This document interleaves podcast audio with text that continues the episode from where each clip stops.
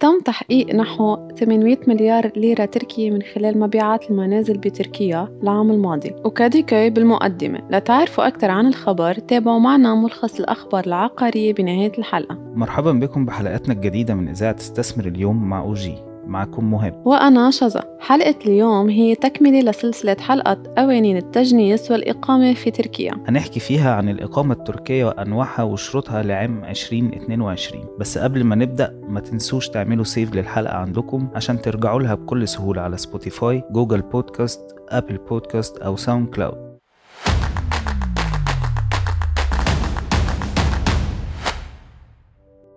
تصريح الإقامة بتركيا بيسمح للأجانب غير الأتراك اللي عندهم النية بالبقاء بتركيا لأكثر من 90 يوم بالإقامة فيها والحصول على عدة ميزات رح نذكرها خلال هيدي الحلقة. بس أولا شو هن أنواع الإقامة التركية؟ الإقامة التركية خمس أنواع. أول نوع الإقامة قصيرة الأمد اللي بتشمل الإقامة السياحية والعقارية وإقامة العمل. بيتم منح هذا النوع لأغراض السياحة والإنشاء شركة ولتلقي العلاج الطبي. وبيتم منحها لمالك العقارات في تركيا وغيرها. بينما الإقامة الدائمة بيحصل عليها الأجانب اللي استقروا في تركيا لمدة 8 سنوات على التوالي بدون انقطاع. بيتم جمع مدة تصاريح جميع الإقامات اللي حصل عليها المقيم كاملة ما عدا إقامة الطالب بيتم احتساب نصف مدتها فقط. طيب وشو الأوراق المطلوبة للتقديم عليها؟ الأوراق المطلوبة للإقامة الدائمة شبيهة تماما للإقامة السياحية والعقارية. هنذكرهم بعد شوية بس بنضيف إليهم إحضار نسخ من الإقامات السابقة. تمام. أما النوع الثالث إقامة الطالب بيحصل عليها الطلاب الراغبين بالالتحاق بالمدارس أو الجامعات التركية أو التسجيل على برامج الزملاء أما الإقامة الإنسانية بيحصل عليها الشخص بكذا حالة مثل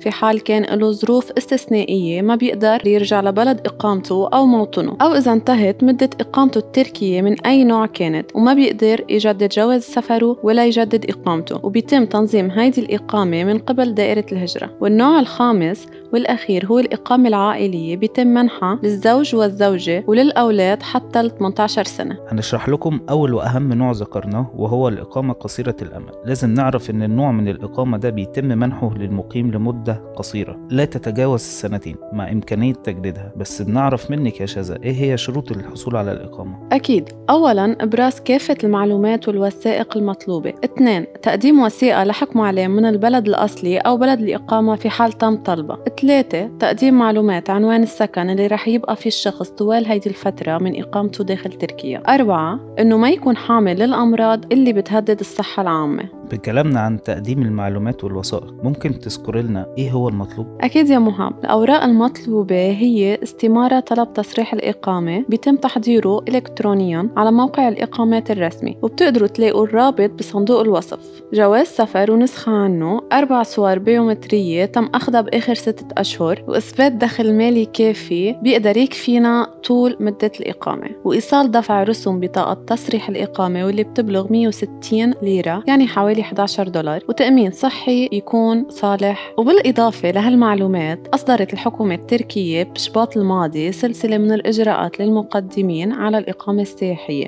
بتقول في حال التقديم على الإقامة السياحية بموجب عقد إيجار يجب توثيق عقد الإيجار من قبل المؤجر نفسه وتقديم نسخة من عقد الإيجار. تكون موثقة من كاتب العدل يعني النوتر بطلب تصريح الإقامة. وإذا كان الشخص بيرغب بالبقاء طول فترة إقامته بمنزل أحد أقربائه أو أصدقائه لازم يحضر تعهد مصدق من كاتب العدل من الشخص اللي حيتم الإقامة عنده وزوجته في حال كان متزوج. أما بالنسبة للمقدم على الإقامة العقارية بنضيف ليها الأوراق اللي ذكرناها من شوية نسخة من سند الملكية الطابو وللعلم في حال اضطر المقدم لمغادرة تركيا قبل استلام كارت الإقامة لازم يوكل حد من أقاربه من الدرجة الأولى أو محامي باستلامها بالنيابة عنه. تمام. وهلا خلينا نحكي عن ميزات الإقامة التركية. بيتمتع حامل الإقامة التركية بالكثير من الميزات. أهمها إمكانية السفر لتركيا بدون التقديم على الفيزا في كل مرة. ويحق الحامل الإقامة التركية بالتملك العقاري بكل أنواعه. بشرط تكون جنسيته من الجنسيات المسموح لها بالتملك في تركيا. ويحق أيضا للأطفال حق التعلم بالمدارس الحكومية التركية مجانا ويحق لحامل الإقامة التركية فتح حساب بنكي بجميع البنوك التركية والعالمية الموجودة في تركيا ويحق الحصول على رخصة القيادة التركية وشراء سيارة فيها وغيرها كثير من المميزات.